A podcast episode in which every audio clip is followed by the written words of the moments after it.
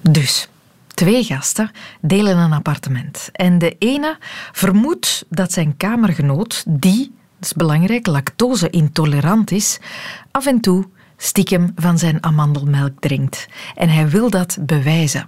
Door stiekem de amandelmelk te gaan vervangen door gewone melk. Maakt dat van hem een klootzak. Dat is een post op het Reddit-kanaal the Asshole, waar mensen dus hun morele dilemma's, dit soort dilemma's, kunnen toetsen bij de groep. En iedereen mag dan zijn mening geven en aan het eind wordt er een oordeel geveld. Ja, affirmatief, u bent een klootzak of nee, je bent geen klojo. 2,5 miljoen gebruikers heeft dat kanaal. Dat is waanzinnig populair. En het is al even interessant om te lezen. Blijkbaar doen we dat graag. Onze moraal aftoetsen aan die van een ander. En blijkbaar werkt ook niet ieders moreel kompas op dezelfde wijze. Daar wil ik het over hebben. Welkom in de wereld van Sophie.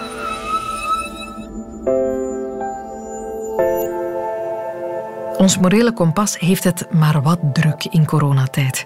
We worden door alle maatregelen die er genomen worden gedwongen om onszelf continu te gaan heroriënteren op het kompas. Wat vind ik van deze regel? Hoe ga ik hiermee om? Ga ik de regel volgen of ga ik ze een beetje volgen? Wart Bogaert neemt u mee in het verhaal. Het is nu niet dat ik u op ideeën wil brengen, maar er zijn wereldwijd heel wat mensen die ingenieuze achterpoortjes hebben gevonden om de coronaregels te overtreden. Die wetenswillens en stilletjes in het geniep op de tippen van hun tenen een andere richting inslaan dan die die hun morele kompas aangeeft. En daarbij alles doen om het te verbergen om het te doen lijken alsof ze zich aan de regels houden. Denken we bijvoorbeeld aan een schandaal dat het Oostenrijkse skioord St. Anton am Arlberg heeft getroffen. Diesen Skandal hätte sich der Tiroler Skiort St. Anton lieber erspart. Daar werden een tweehonderdtal buitenlandse jongeren opgepakt op illegale après-skis. Rund 200 junge ausländische Gäste sollen mitten im Lockdown heimlich Partys feiern und den Wintersportfreuden frönen. Terwijl er van skiën uiteraard weinig sprake is in coronatijden. Völlig illegal natuurlijk. Vele van hen deden zich voor als seizoensarbeiders of als skimonitoren in opleiding, om toch maar van de uitzondering op de wet gebruik te kunnen maken. Een ander voorbeeld. De Canadees Rod Baker en zijn vrouw Catherine.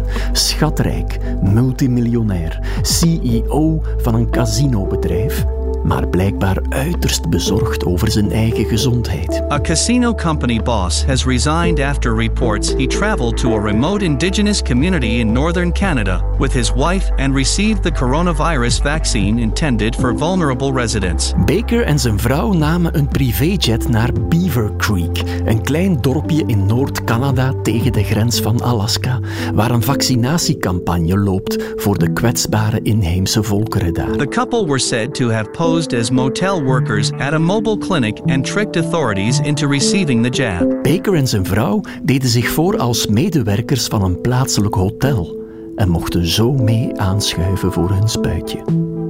Het koppel werd ontmaskerd toen ze meteen na de inenting een lift naar de luchthaven vroegen. Baker nam ontslag en kreeg 1150 dollar boete. De buitenlucht behoort toe aan ieder mens. Niemand kan jou verbieden om onder Gods hemel te lopen. Dat bestaat niet. Deze man, dat had u ongetwijfeld al in de mot, komt uit Nederland. En hij maakt zich heel druk over de avondklok. Dit is nu twee weken geleden. Maar ik kan me voorstellen dat deze man tegenwoordig rustig s'avonds laat over straat struint met een blauwe jas van Deliveroo aan en een hond aan een leiband. Ik hoor u verbaasd zijn. Wel, dit zijn twee berichtjes van marktplaats.nl. Handig voor die opkomende avondklok. Met die Deliveroo-jassen kun je dus rustig buiten komen wanneer je maar wilt. Er is heel veel interesse. Ik heb er zelfs 60 euro voor gekregen. Het is gewoon een nieuwe handel. Mensen hopen met zo'n jas toch nog even op straat te kunnen zijn. En ik maak mijn moeder er ook nog eens blij mee. Die vindt dat ik te veel troep heb. En deze vrouw, Jos van Prooien, Die heeft een online tool om mensen die niet meer in staat zijn hun hond uit te laten, te koppelen aan vrijwilligers die dat graag doen. Sinds gistermiddag heb ik 98 eh, aanmeldingen binnengekregen. Het zijn er inmiddels al 102, dus dat gaat rap. Terwijl ze normaal gesproken zo'n 10 aanmeldingen per week heeft. Ze vermoedt dat het door de avondklok komt. Het uitlaten van de hond is een uitzondering. Oh wel? Aangelijnd. Oh, aangelijnd. En niet steeds dezelfde hond, want dan slaapt hij niet. Jos twijfelt over de intenties van de mensen die zich nu allemaal aanmelden voor zo'n leenhond. Ze denken natuurlijk met de avondklok, uh, geef mij maar een avondklokhond. De avondklokhond en de bezorgersjas. Een mens zou er voor minder pangry van worden. Nog een covid-neologisme. Pandemieboosheid.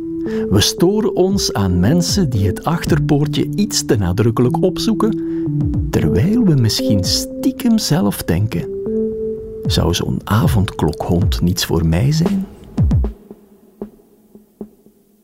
In een realiteit die continu verandert, moeten wij ons continu aanpassen. En corona toont ons dat niet iedereen op elk dilemma hetzelfde antwoord geeft. Zoals, neem nu dat miljonairskoppel. Dat wordt wereldwijd afgekeurd. Dus wat bezielt die mensen? Wat is er mis met hun morele kompas? Wel, uh, ik zal zeggen dat uh, er uiteraard nogal uh, wat individuele verschillen bestaan tussen mensen. Dit is Alain van Hiel. Hij is sociaal psycholoog aan de Universiteit Gent en dat niet iedereen op dezelfde manier uh, reageert. Uh, nu, globaal in de sociale psychologie zien wij toch uh, een, een, groot verschil tussen mensen wanneer het erop aankomt om, ik zou het breed willen zeggen, pro-sociaal gedrag te vertonen. Dat wil zeggen, het goede, het goede te doen, zodanig dat andere mensen daar geen last van hebben of zelfs daarvan profiteren van dat gedrag. Je hebt nu eenmaal wat wij noemen uh, meer pro-self mensen. Dat zijn wat egoïstisch ingestelde mensen en mensen aan de andere kant die meer sociaal zijn. En dus vooral die, die laatstgenoemde categorie, die ziet daar uh, heel wat morele graten in. Hè, in dat mhm. soort gedrag dat die meneer daar in Canada gedaan heeft. Ja. Hoe je zelf ingesteld bent, of je vooral gefocust bent op de groep, of op jezelf bepaalt of je dit soort handelingen zal stellen. Absoluut. En uh, mensen die op de groep, op het collectief zijn uh, georiënteerd of er rekening mee houden, uh, dat, dat is ook de groep van mensen die rekening houdt met ja, gemeenschappelijke goederen bedoelen we dat. Uh, bijvoorbeeld de algemene gezondheid van iedereen of uh, in termen van milieuvervuiling uh, doen zij ook alles wat zij kunnen, zodanig dat de wereld een schone plaats blijft om, om in te leven enzovoort. Mm In hoeverre speelt hun rijkdom een rol in dit verhaal? Kan bijvoorbeeld het feit dat je veel financiële middelen hebt een moreel kompas anders doen bewegen? Wel, daar is ook uh, wel wat onderzoek naar, maar dan vooral in termen van macht. Ah, Mensen die, die macht hebben, die, hoe zou ik dat zeggen, dat is een soort facilitator. En, en een facilitator van uw eigen inborst, inborst, als het ware, uit te drukken in uw gedrag. Dus mensen die wat slechte neigingen hebben en die krijgen macht, die gaan die slechte neigingen ook meer gaan vertonen in hun gedrag. Simpelweg omdat ze de middelen hebben. Ja, absoluut. Eh, ze zijn ook eh, minder geneigd om met anderen rekening te houden. Mensen die geen macht hebben, die denken altijd, wat zou een ander daarvan denken? Alvorens ze tot actie overgaan. En met machtigen is dat dus eh, veel minder het geval. Mhm. Nu, voor alle duidelijkheid, dat kan ten goede en ten kwade werken. Macht heeft nogal een slechte reputatie, namelijk dat mensen met slechte trekken dan ook slechte gedragingen gaan uh, stellen. Maar het kan ook andersom. Mensen die doorgoed zijn en die macht hebben, die gaan juist het goede voorbeeld geven. Mm Wat uh, boeiend is aan pak nu bijvoorbeeld het miljonairskoppel, zouden zij zich die vraag stellen of wat ze dan doen, of dat wel aanvaardbaar is? Of zijn er mensen die bijvoorbeeld ja, gewoon minder over de moraliteit van zaken nadenken? Wel, uh, je hebt het gedrag. Hè. Je hebt egoïstische mensen, zou ik uh, kunnen zeggen. En je hebt meer die pro-sociale mensen. Uh, maar dat, dat situeert zich, die verschillen tussen die twee soorten, om het zo te zeggen, dat situeert zich niet alleen op het gedrag, maar ook de manier waarop ze dat gedrag verklaren en naar dat gedrag kijken. Dus Iemand die uh, eerder die pro-self kant uitgaat, die, die egoïst, die gaat dan niet zozeer in termen bekijken van, uh, van uh, moraliteit, maar die bekijkt dat als een soort rationele daad. Hè. Die vindt, wanneer je je opportuniteiten niet grijpt, dat je gewoon een loser bent. Hè, en dat je je kansen moet grijpen. Mm -hmm. Zo eenvoudig is het, dat het van zwakte getuigt om dat niet te doen. Ah, ja, ja, ja. En het zijn net die mensen die aan de andere kant van de lijn staan, die pro-sociaal zijn, die zeggen van, hey, wacht eens even, dat is hier uh, moreel uh, totaal onacceptabel.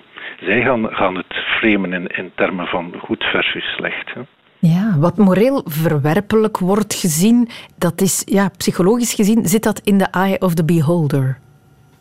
Uh, dat, dat is voor een groot stuk zo. Hè. Nu natuurlijk, dit is zo'n, uh, sorry, uh, heel erg, ja, bijna absurde situatie. Ja. over sommige dingen is er weinig in de eye of the beholder over. Hè. Ik denk 99% van de mensheid zal dit gedrag afkeuren. Maar mm -hmm. er is natuurlijk heel wat meer ambigu gedrag, hè, zoals een mondmasker al dan niet aandoen en dat soort zaken. En op bepaalde plaatsen, gelijk door het centrum van Gent lopen bijvoorbeeld zonder mondmasker. Wel, dat doen wel meer mensen Hè, dan die, die ene procent. Hè. Dus we zijn er misschien 5 of 10 procent of weet ik veel. Dus ik bedoel, uh, de afkeurenswaardigheid van de Canadese situatie is natuurlijk vele malen groter dan ja. wat we in het dagelijkse leven zien. Het is een zeer extreem voorbeeld, inderdaad. Zijn er van alle soorten mensen evenveel? Zijn er evenveel mensen die op de groep gericht zijn dan dat er uh, meer egocentrische mensen in de wereld zijn? Wel, dat uh, hangt voor een groot stuk uh, af. Bijvoorbeeld wanneer wij in, in, de universiteit daar onderzoek naar doen, dan zien we toch dat uh, pro-sociale mens overheerst, ik zal het zo zeggen. Ja. En ik, ja, absoluut. En ik denk dat algemeen, hè, wanneer we kijken nu naar het uitvoeren van de coronamaatregelen, mensen doen dat niet alleen voor zichzelf, maar ook voor anderen. Dat je ook ziet dat heel veel mensen dat volgen. Gewoon omdat ze bezorgd zijn voor de gezondheid van, van iedereen, hè, niet alleen voor zichzelf. Dus ik denk dat je wel kunt zeggen dat uh, de meerderheid uh, pro-sociaal is, dat uh, rekening zal houden met anderen. Mm -hmm. Zijn er zaken die ons morele kompas of ons morele oordelen kunnen beïnvloeden of de keuzes die we maken als we voor een moreel dilemma komen te staan? Absoluut. Hè. Bijvoorbeeld, ik zeg er maar één, vertrouwen is daar één van. Hè. Dus ik zeg altijd aan mijn studenten, uh, wanneer je in een zee vol met haaien zwemt, dan uh, heeft het weinig zin om vriendelijk en coöperatief te zijn. En dat is in deze natuurlijk ook. In zoverre dat mensen kunnen vertrouwen dat anderen het goed met hun menen, zullen ze dat ook terugdoen. Dus die coöperativiteit of dat rekening houden met andere mensen, dat is eigenlijk een soort van reciprook proces, toch? Ja, ja, en dat... dus zonder vertrouwen geen coöperatie. Ja, dat kan versterkt worden of dat kan de kop ingedrukt worden. Ja, absoluut. Mm -hmm. U heeft ons een experiment aangereikt. Een experiment dat onze reporter op straat is gaan uitvoeren. Hij stelde aan passanten de vraag: hier is 10 euro. U mag dat verdelen in twee. Een bedrag voor uzelf en een bedrag voor de persoon naast u, aan u om te beslissen. De ander kan akkoord gaan, dan wordt de som verdeeld. Of de ander kan weigeren en dan krijgt u beide niks. Dat is wat hij voorlegde en dit is wat de mensen op straat antwoorden. 10 euro. Hier heb je 10 euro. 5 euro, 5 euro. 5, 5? Ja. 5, 5? Wat zeg jij? Ja. Hopla. Jullie zijn allemaal vrienden. Jullie zijn goede vrienden, denk ik. Mijn neef. Dat is uw neef? Ja. Ah, oké, okay, dat is familie. Ja, dan... Je families wordt altijd, altijd eerlijk gedeeld waarschijnlijk. Eerlijk gedeeld, ja. Oké, okay, als je met mij moest delen, zou je dan uh, ook 50-50 uh, gaan? Of, uh... Oh, dan, uh, u krijgt 1 euro van mij, ik pak 9. Ah ja, echt waar? Ja. Ah ja, oké. Okay. Dus omdat je familie... Hangt omdat, af wie lief is, hè. De onbekende krijgt 1 euro en, en familie 5 euro. Ja. Dat is de waarheid. Gewoon 50-50, 5 euro, 5 euro. Ja. Ja. Gewoon geen discussie. Nee. Dit is namelijk, wat is dit, jouw beste vriendin? Of, ja. uh... ja. Ja, ja oké. Okay. Dit is een uh, investering voor de toekomst bijna. ja. ja. Als ik alles zou pakken, zou zij daar niet goed op reageren, denk ik. Hè. Ah ja, want dat, ja, zo, zo goed ken je ze wel. Ja. um, stel dat het met mij was, uh, dat er 10 euro met mij moest verdeeld worden. Mm. Misschien, ik weet niet. We zien elkaar nooit meer terug, hè? Nee, dan zou ik Maar alles pakken. Ah ja, oké. ja. Ik heb het zelf niet breed. Ehm, dus ik zou 5 euro houden voor mij. En 5 euro eh, geven aan een eh, goed doel of mensen die het kunnen gebruiken. Ook als er niemand is die controleert eh, hoe je het verdeelt, dan mag je ook alles zelf houden, hè? Mm, dan zou ik nog altijd hetzelfde doen. Gewoon eerlijkheidshalve. Er zijn mensen momenteel die het zeer moeilijk hebben.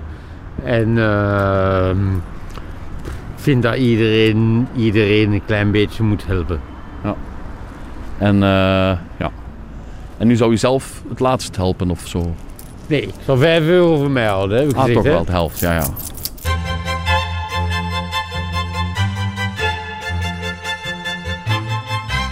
Als wij hier naast elkaar staan en jij geeft mij 10 euro voor ons, dan geef ik 5 van hem en 5 van mij. Nee? Ah ja. Als ik zeg, jij, mag- jij bent dictator, jij mag echt wel eh, alles beslissen. Nee, dan nog. Dan, ja, Ja. dat is een soort liefde, oké. Dan moet ik Nee, meneer dat is zelfs... het gemakkelijkste. Dat is het luiaardij. Dat is eigenlijk het eerlijkste. Als je met twee bent natuurlijk. Nee, dat is het gemakkelijkste. Ik ben nog aan een luierik en dan moet hij geen ambras maken. Ah, u doet dat uit veiligheid. Ja, Uit, ja. uit luiheid. ja. Geen, u gaat eh, ruzies uit de weg, zoiets. Ja, ja, ja.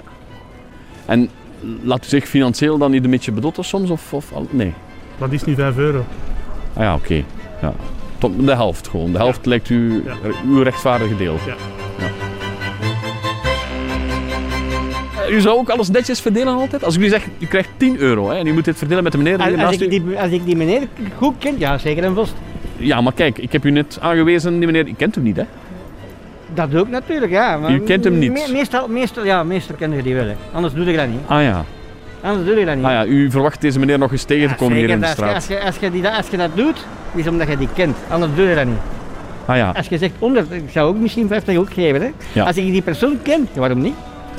Het blijft de helft. Echt waar, zo simpel als maar kan. Tuurlijk, als er miljoenen zijn, dan zou ik wel nog een keer... eh, Ah. Als er miljoenen zijn, dan zou ik wel een Dan gaan we beetje... wel vechten, Dan dan gaan we zouden we misschien eh, nadenken, hè. Ah ja, ik ga de vraag toch nog eens herhalen, want ik vind het interessant. Ik heb hier 10 miljoen. 10 miljoen, meneer. U mag die verdelen. U mag die verdelen. Let op, de andere meneer kan ja of nee zeggen ook. Hè. Als hij nee zegt, gaat het niet door. Pas op, hè. maak hem niet bang. Ja, natuurlijk, ja. Dus hoeveel geven we hem? 10 miljoen. dat is wat anders, hè. misschien, misschien een miljoen solida- solida- solidariteit, hè. Wacht, een miljoen. Misschien. Jij zegt nu van die 9 tien, hè, miljoen. Van die 10 misschien 1 miljoen, hè. Dus 9 miljoen voor jou en, Ja, 1 en miljoen, één voor miljoen, hij. hè. En nu mag meneer zeggen ja of nee. Hmm. Ja, 1 miljoen is beter dan niks, hè. Het zijn van die catch-22 catch spelletjes van eh, zeg ik ja of zeg ik nee, hè. Ja. 10 euro. 10 euro. Wat ik dat zou verdelen? Wauw. Dat is een moeilijke vraag, maar ik denk dat ik het niet zal delen met mijn collega, maar ik denk dat ik het eerder zal geven aan mensen die het nodig hebben. Ja, maar het is toch met uw collega te doen nu. Ze staat hier, eh, ze is aan het kijken. Ik denk... eh, Ja. Ah, Als het voor mijn collega's zou zijn, dan zou het elk de helft zijn. Voilà. Elk de helft. Ja, dan zeg dat... Ik ga, we gaan samen een koffie drinken. Dus dat is al een ja, oké. Stel, stel dat zij geen ja hoeft te zeggen, dat het gewoon sowieso is wat jij beslist, de dictatorkeuze. Och ja, als zij niks zegt, ja, dan eh, denk ik gewoon van... Ja. dan probeer ik me bij iemand anders. Dan zeg jij, ik geef ze niet aan haar, dus dan zeg jij, ik hou ze voor mezelf. ik vind dat... ik vind het eigenlijk allemaal moeilijke vragen, omdat ik... Ja, hoe moet ik het eigenlijk zeggen? Het is heel moeilijk, want ik, ja, mijn collega's zie ik niet zoveel. Ik werk er alleen maar samen bij. Ik woon in Dilbeek, zij woont hier in Vierenvoorde, dus... eh, En hoe zou u die 10 euro verdelen? Heel veel verschillende vragen, heel veel eh, verschillende antwoorden bedoel ik. Meneer Van Hiel, heeft eh, kunnen meeluisteren. Hè? Wat valt u op als u de mensen hun reacties op dat dilemma hoort? Wel, ik vind het echt prachtig eh, om die reportage te horen, echt waar. Maar eh, wat mij opvalt is vooral toch eh, het volgende. Dat vele mensen uiteindelijk voor 50-50 gaan, of Mhm. toch een aanzienlijk bedrag, restbedrag laten voor de andere partij. Ja, hè? En dat is eigenlijk dat spel, om dat even te duiden, is ontwikkeld in een soort van strijd tussen psychologie en tussen economie. En eigenlijk is het een soort setting die erop op gericht is om aan te duiden dat mensen geen echte homo economicus zijn of puur homo economicus zijn. Laat mij dat uitleggen.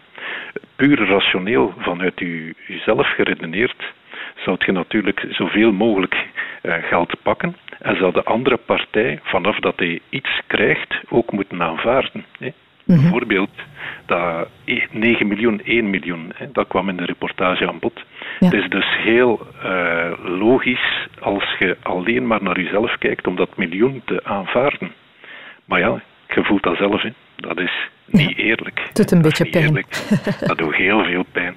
Uh, dus zowel diegene die geeft, uh, gaat direct naar het 50-50 en vaak toch. En diegene die ontvangt, ja, die wil ook meer dan 10% bijvoorbeeld. Dus dat zit ergens niet helemaal conform met uh, hoe de economie uh, zou denken, puur in de klassieke versie daarvan, dat mensen gewoon erop uit zijn om enkel en alleen maar op zelfbelang te letten. Ja, ja het is een, dat is een hoopgevend signaal. Wat ook opvalt, is dat het heel erg afhangt aan wie het of met wie het geld gedeeld wordt. Iemand die dicht bij je staat, heeft meer kans om te delen in de pret. Ja, ja. En dat is uh, ook logisch, denk ik. Uh, maar het is niet altijd, uh, als ik naar de verhalen luister, niet altijd naar mensen toe die, die dicht bij je staan. Hè. Want er was die vriendelijke meneer die zegt, ja, maar er zijn veel mensen die het moeilijk hebben en iedereen moet iedereen helpen. Dan mm -hmm. zie je daar toch, dat is de typische ja, prosociale respons. Hè, van, ja, maar wacht even, ik, heb ik hier, kan mijn eigen zakken wel vullen, maar wacht even, en al de rest dan. Ja. En dat, is, uh, dat, dat was een heel mooie, mooie reactie, vond ik. Ja. Er zijn twee soorten mensen, de prosociale en de egoïstische mensen. Zij die normen en waarden zien en zij die opportuniteiten zien. Gelukkig zijn de eerste met meer. Dat moet ons hoopvol stemmen. Maar wat als die twee elkaar ontmoeten? He, coronatijd maakt ons morele kompas meer zichtbaar voor anderen. We moeten kenbaar maken. Of we het oké vinden dat we toch met vijf in de tuin gaan afspreken. Of we dat onaanvaardbaar vinden. Of we dat familiefeest laten doorgaan of niet. Dat soort discussies heeft al voor heel wat vrevel binnen families gezorgd. Binnen koppels ook. Daar kan Inge over meespreken. Haar relatie beleeft op dit moment stormachtige tijden. Inge is verpleegster en ze heeft dus van heel dichtbij de vreselijke gevolgen van het coronavirus meegemaakt. Bovendien heeft ze een tijdje geleden zelf het virus opgelopen en ze is daar nog altijd niet van genezen. Maar haar partner die neemt het allemaal niet zo nauw met de maatregelen. En dat zorgt dus voor enorme spanningen. Inge wilde graag haar verhaal met ons delen, weliswaar anoniem. Dus je zal een stemacteur haar getuigenis horen navertellen. Maar ze wil het delen, want ze vermoedt dat ze niet de enige is in deze situatie. Ja, vroeger waren wij het ook al eens oneens. Hè. Wij hebben zeker niet over alles dezelfde mening. Maar wij konden toen nog wel met elkaar babbelen. Mijn ja, een respect voor mekaars mening. En, en nu over die coronaregels, dat is, dat is gewoon compleet weg.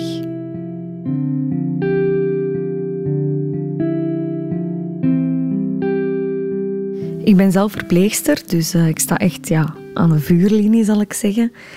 Dus ik zie al bijna een jaar van dichtbij wat dat met mensen doet. En deze november heb ik het ook zelf gekregen en ben er heel, heel ziek van geweest. Ik ben ook in het ziekenhuis opgenomen. En ik ben daar nog altijd ziek van. Dus mijn, mijn longcapaciteit is nog altijd niet goed. Um, ik heb nog altijd te weinig zuurstof, dus ik kan nog altijd niet gaan werken. Um, ik kan ja, eigenlijk niet uit de voeten. Dus ik ben ook heel, heel bang om het terug te krijgen. Maar mijn man, die, ja, dat is erg om te zeggen, maar die werkt eigenlijk gewoon tegen.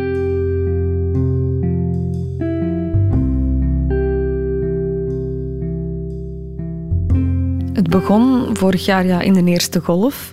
Vond hem die mondmaskers bullshit eigenlijk. Dat vond hem onnozel, dat wou hem niet opzetten. Hij wil dat nog altijd niet trouwens. En hij ziet eigenlijk heel die corona als een soort van een griepje. En met een soort van natuurlijke selectie. Dus ja, de zwakken gaan eruit. Hij ontkent corona dus niet, maar corona is voor hem niet meer dan maar een griepje. Ah ja, nu klinkt dat echt als, als een verschrikkelijke partner. Dat is niet, hè, maar ik kan gewoon zelf niet begrijpen dat hij die coronamaatregelen niet wil volgen. Want hij ziet wat dat met mij doet. Ik kom ook met die verhalen thuis van wat dat doet met mensen. En als ik zo ziek ben, kan ik niet snappen dat je gewoon in je best doet om met z'n allen eigenlijk ja, dat virus te verslagen. En dat is zeker voor hem niet ineens een motivatie om zich wel aan die regels te houden. Nee, want hij denkt nu, ah, die heeft antistoffen, dus uh, die kan er nog wel even tegen. Ja, maar voor hoe lang nog natuurlijk. Mijn man die gaat bijvoorbeeld nog naar de kapper. Hoe dat hij een kapper vindt, ik heb geen idee. Die gaat nog met maten drinken, die gaat schaken. Dus allemaal in gesloten ruimtes, hè. En die vindt dat ook heel normaal um, dat hem daar nog vrienden voor vindt om dat allemaal te doen.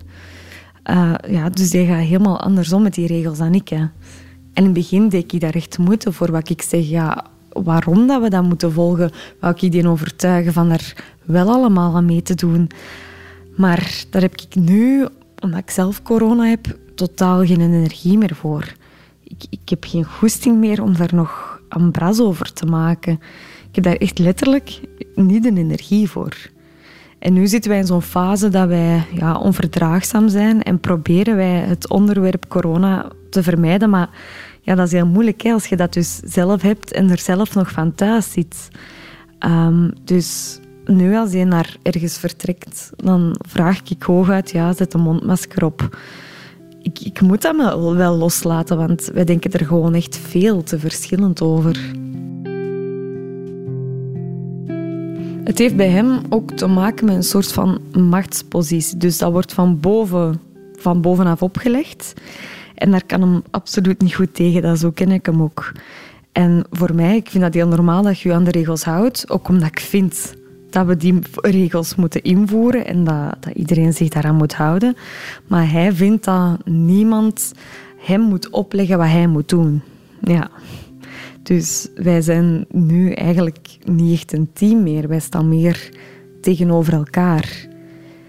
En soms denk ik ook van, doet hij dat nu om mij te jennen of om contrair te doen? Ja, ik weet niet. Ja, ik vind dat zelf ook heel gênant, hè, want ik werk in de gezondheidszorg. Dus ze gaan er wel van uit dat ik de regels volg als verpleegster. En natuurlijk ook uw familie dat is iets heel vanzelfsprekend ook, maar ik, eigenlijk ik heb dat nog aan niemand niet verteld, want ik ben er beschaamd over. Ik ben, ben beschaamd over het gedrag van mijn man in deze tijden. Ja, en zelf trekt hij zijn eigen er gewoon niks van aan.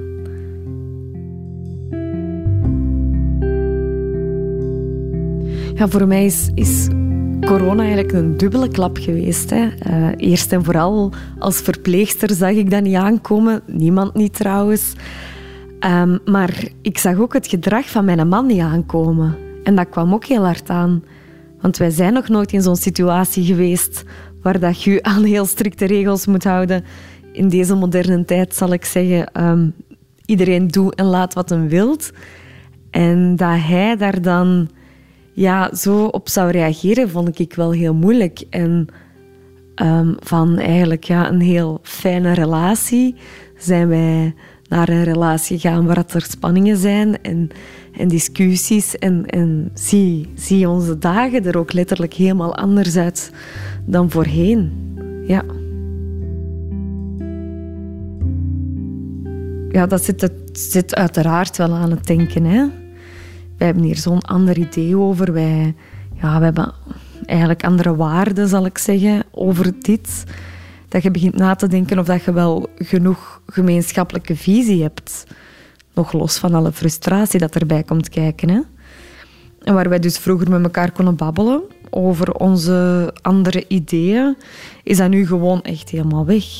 En soms denk ik, en ja, dat, ja, dan voel ik mij al direct schuldig als ik dat denk. Maar soms denk ik, hij zou het zelf eens moeten krijgen. Maar ja, dat, ik wens dat echt niemand niet toe, hè, want ik heb het zelf. Het is echt niet fijn. Hè. Um, en ja, hij heeft trouwens ook, ja, hij moest ook getest worden omdat ik uh, corona had. En heeft een, nou een negatieve test. Dus uh, hij denkt nu zeker dat hem niks kan overkomen. Wat ik vooral hoop is dat die corona snel voorbij is. Ik hoop dat sowieso voor iedereen, maar ik hoop dat ook voor mij persoonlijk, voor mijn relatie. Dat wij terug normaal tegen elkaar kunnen doen, dat wij niet constant in discussies belanden over coronaregels. Maar ja, anderzijds is er ook wel de praktische kant. Ik kan echt niet uit de voeten nu. Ik, ik kan niet koken, ik kan niet naar de winkel. Die moet wel alles doen voor mij. Die moet de kinderen gaan halen en gaan brengen. Dus ik ben ook wel heel afhankelijk van hem, wat mij ook wel in een ja, een beetje vervelende positie brengt. Ehm, maar ja, hoe dit gaat aflopen, ik, ja, ik moet eerlijk zeggen, ik heb geen idee. Dat is een pakkend verhaal, hè? En een goed voorbeeld van hoe corona ons goed fout denken scherp stelt. Moraalfilosoof Injaas de Vees van de Universiteit Gent merkt het ook op. Er is moeilijk uh, naast te kijken. Hè? Ja. En dan zeker vanuit mijn uh, vakgebied zeg maar, ben ik er evident meer mee bezig. Maar het valt enorm op hoe in feite, en ik denk meer dan ooit, we discussies voeren over de vraag: wat vinden we nu goed? Wat is afkeurenswaardig? Waar moeten we heen? Wat is juist gedrag? Wat hoor je te doen? Enzovoort. En uh, wat mij heel sterk opvalt, is dat het vaak gebeurt vanuit een grote spanning. Hè. Dus er is heel snel sprake van uh, mm-hmm. verontwaardiging over wat andere mensen doen. Uh, er wordt enorm gekibbeld met elkaar. Dus het, het zijn ook vaak debatten met een grote emotionele lading, merk ik. Ja, inderdaad. Nu, die vraag aan zich, wat is goed gedrag, wat is fout gedrag, het is een vraag die men zich al eeuwen stelt, hè? Ja, ja, ja, zeker en vast. Ik denk het grote verschil toen en nu is dat we nu vandaag ja, onder grote druk staan en dat er heel veel van afhangt. Dus we hebben laten we zeggen, nu toch al een, een, een, eh, een twee millennia uh, die vraag kunnen stellen, maar dan vaak op een eerder theoretisch niveau. Uh, ik denk bijvoorbeeld aan de eerste filosoof die een echt systematisch traktaat hierover heeft geschreven. Dat is Aristoteles, waar die vraag op een heel structurele manier werd behandeld. Hoe moet een mens handelen? Wat zijn goede handelingen? wat zijn de kernprincipes enzovoort. Maar wat je ziet is doorheen de geschiedenis is dat er natuurlijk bij de vraag naar wat is goed en wat is kwaad, uh, dat is niet van de orde van 2 plus 2 is 4. Dus daar bestaan verschillende antwoorden op. Mhm. Dus we zijn het vaak niet eens in onze antwoorden op die vraag naar wat is goed. En dat is natuurlijk niet erg als we alleen met onszelf moeten spreken. Maar wanneer het gaat om een samenleving, dus mensen die echt toch op elkaar moeten afgestemd raken, ja, dan is het natuurlijk wel handig dat je het min of meer eens raakt over een aantal basiskwesties. Mhm. En ik denk dat dat vandaag, met de grote spanning die in onze nek blaast, toch wel heel sterk uh, aangevoeld wordt. Uh, wij die dachten dat we allemaal onze eigen normen en waarden konden kiezen, en dat is natuurlijk voor een stuk zo, maar wat we nu natuurlijk zeer goed merken, is dat al die individuele keuzes ergens ook nog moeten samenkomen om het een beetje leefbaar houden te mm houden liever met elkaar. Ik denk dat ook het hele spanningsveld dat we nu ervaren in die hele COVID-periode, mhm. is dat een deel van de bevolking in feite roept van geef ons duidelijke spelregels.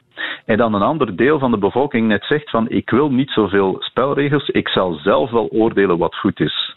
En dan zie je dus in feite dat hele spanningsveld terugkeren. Als iedereen zomaar voor zichzelf uitmaakt wat juist handelen zou zijn in termen van hoe raken we uit deze pandemie, ja, dan kan dat verschillende kanten opgaan.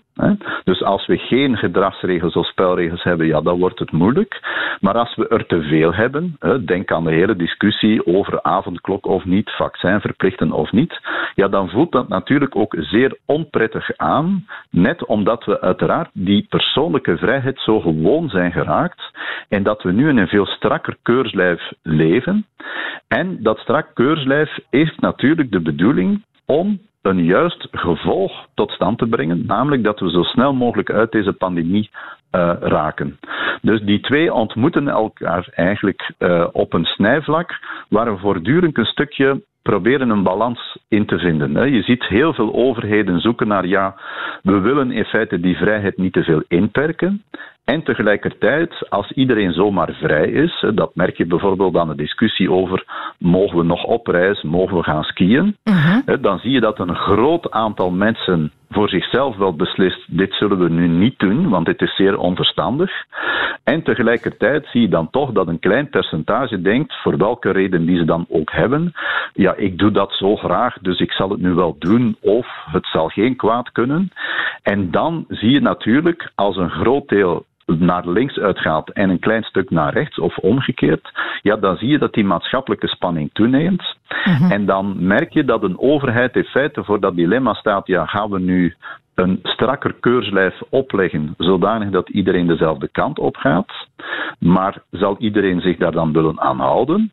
Of gaan we minder spelregels opleggen in de hoop dat mensen het zelf inzien? Maar wat doen we dan wanneer een bepaald percentage dat helemaal niet wil of niet kan inzien? En dat is de hele moeilijke afweging hè, als je eh, in feite de terugblik zou maken van februari 2020 tot nu en je overloopt dus alle discussies die we hebben gehad, dan zit dat meestal op dat snijvlak. Meer spelregels, dan beginnen we te morren. Als er minder spelregels zijn, ja, dan gaat het alle kanten op en dan loopt het ook niet goed. En je ziet zo, we spreken over, over golven in de, in de pandemie, maar je ziet ook die golven terugkeren in de morele debatten. Als het iets beter gaat, dan is de roep om versoepeling heel luid. En dan zegt iedereen, ja, maar ik wil in vrijheid leven. En als daarna blijkt dat die vrijheid ertoe leidt dat de volgende pandemiegolf er weer aankomt, dan begint de andere groep te klagen, ja, maar jullie hebben zich niet, niet goed gedragen. En nu moeten we weer strenger gaan worden. En het is een hele moeilijke afweging om ergens tussen die twee in ja, de juiste teneur te vinden. Vandaar ook dat het van belang is dat overheden zeer goed moeten uitleggen waar ze naartoe willen, zodanig dat mensen ook, en dat komen we in feite terug bij Kant, vanuit zichzelf inzien dat het nu bijvoorbeeld beter is om niet te gaan skiën, omdat we anders weer die besmettingen binnenbrengen in België en we dan opnieuw vertrokken zijn. Ja, ja. U werd onlangs in de afspraak eh, gevraagd ook om te reageren op eh, de skiester uit Contig of Edegem, eh, die zo de woede van de natie over zich heen kreeg, omdat ze een Mhm. besmetting in een school had binnengebracht. U zei toen, niemand is in staat om altijd perfect moreel te handelen.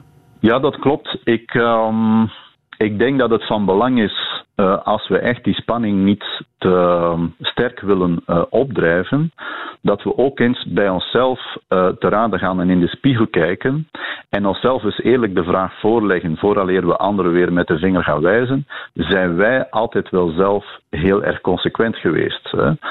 Ik beschouw mensen toch in hoofdzaak als wat ik dan noem moreel ambivalente wezens. Wij, wij slagen er niet altijd in om inderdaad consequent volgens bepaalde principes te leven, ook al weten we wel dat we dat beter zouden doen.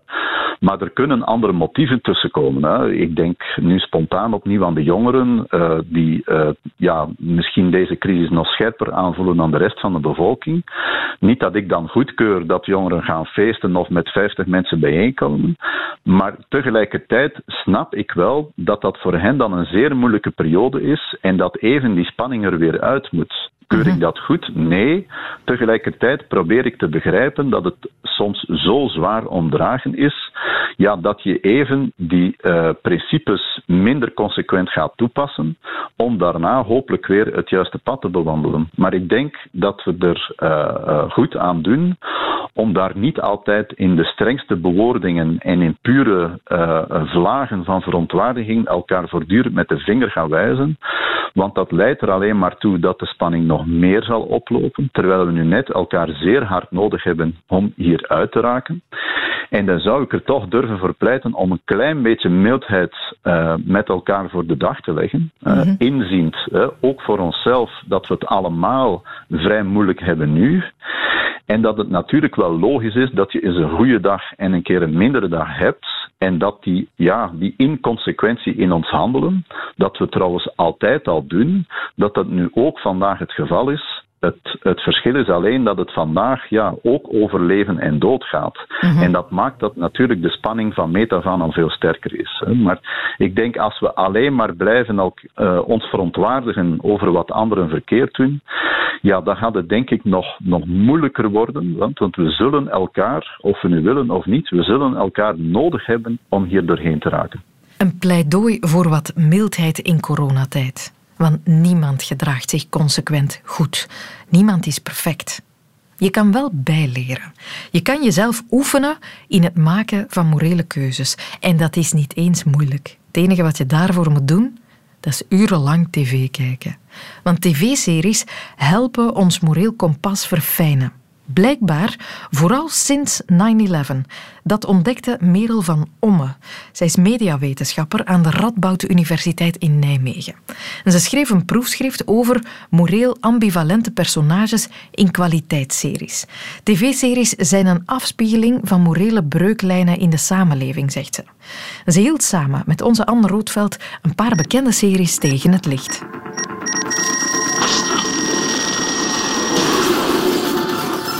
Nou, eigenlijk is het zo dat series eh, voortdurend reflecteren wat er eh, gebeurt in onze, eh, in onze samenleving. En eh, 9-11 was natuurlijk een enorme cultuurshock. Amerika eh, stond op een enorm voetstuk, een wereldmacht, en bleek ineens toch veel kwetsbaarder eh, dan dat we hadden gedacht. En voor 11 september ehm, waren er veel klassieke eh, eh, politieverhalen, eh Who Done It, ehm, romantische comedies, die een soort wereldbeeld lieten zien eh, waarin het goede uiteindelijk altijd overwon.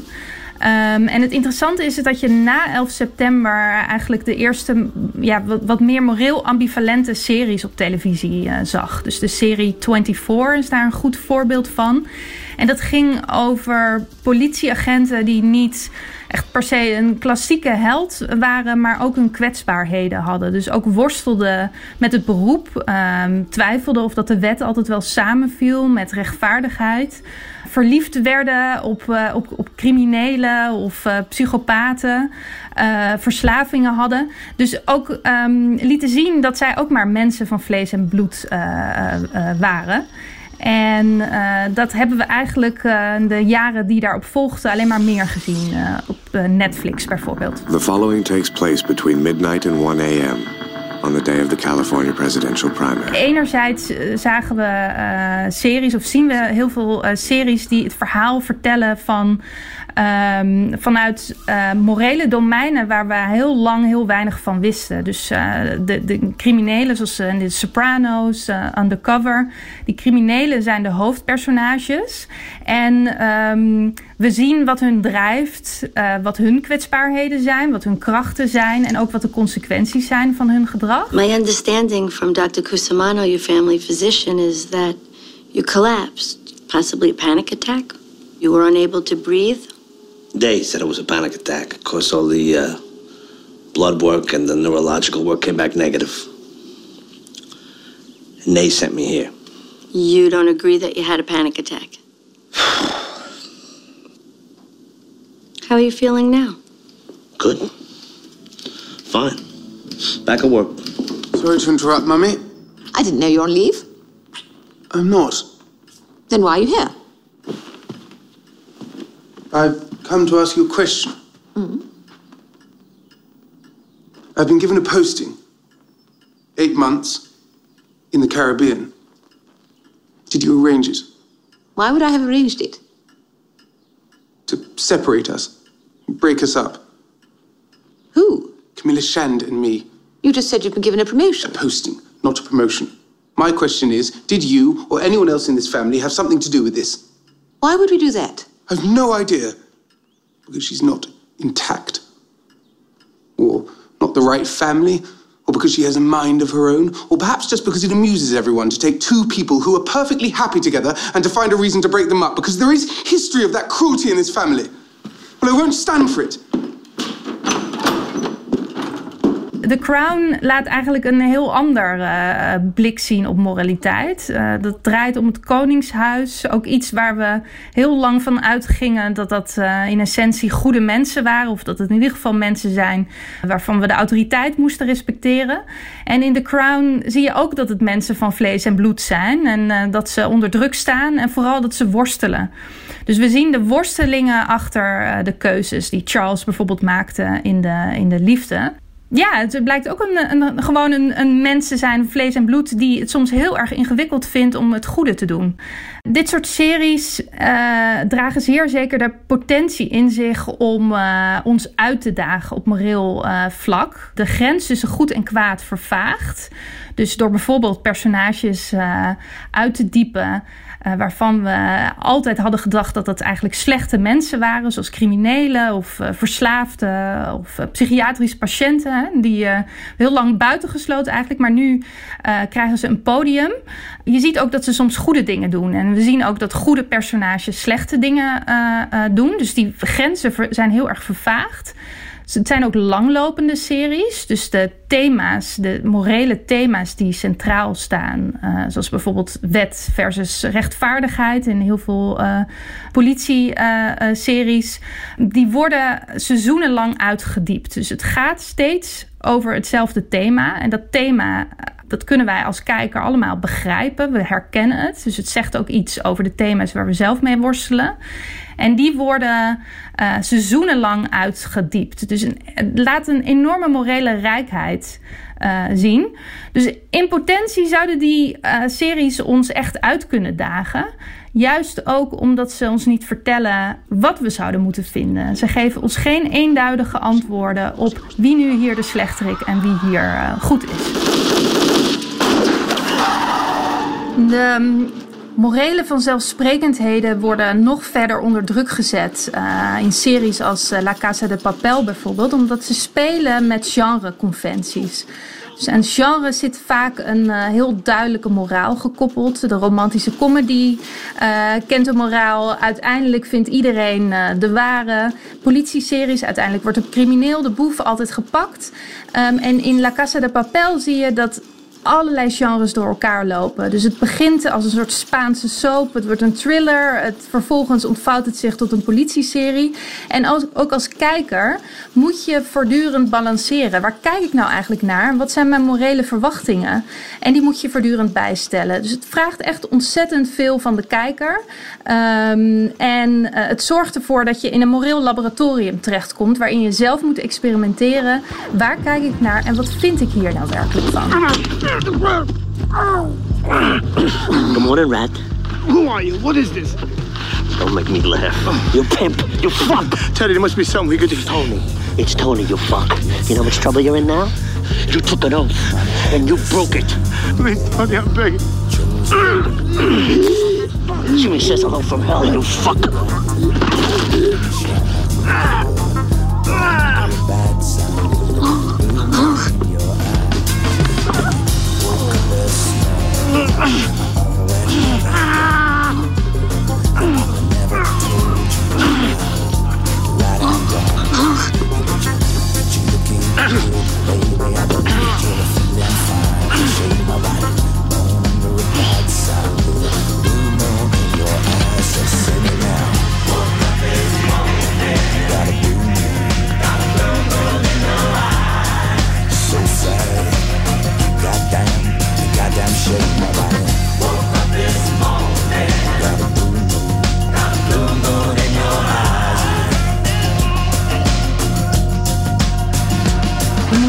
bedenken wat zou ik doen in deze situatie. Uh, en wat vind ik hier nou eigenlijk uh, van? En dat vraagt best wel wat inspanning. Het vraagt uithoudingsvermogen om die hele complexe verhalen te, te doorgronden en te kunnen begrijpen wat hier nu precies aan de hand is. Maar het vraagt ook heel veel inlevingsvermogen. Dus je moet echt.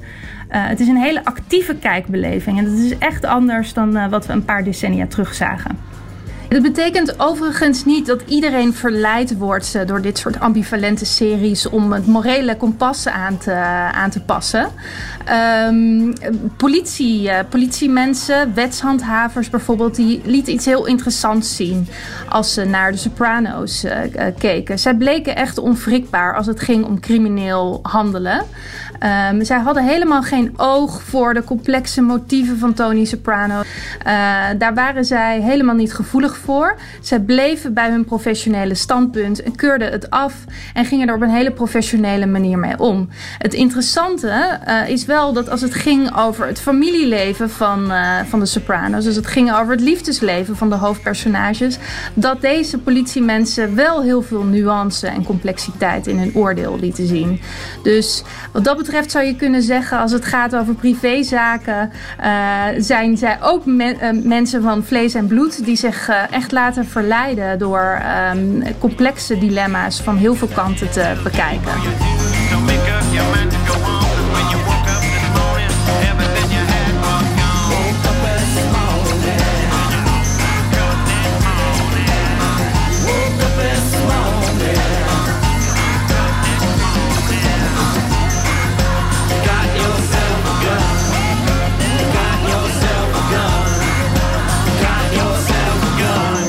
TV-series dagen ons moreel kompas steeds meer uit en scherpen het aan. U weet wat gedaan. Zeteltje in, dekentje klaar. En zappemaal.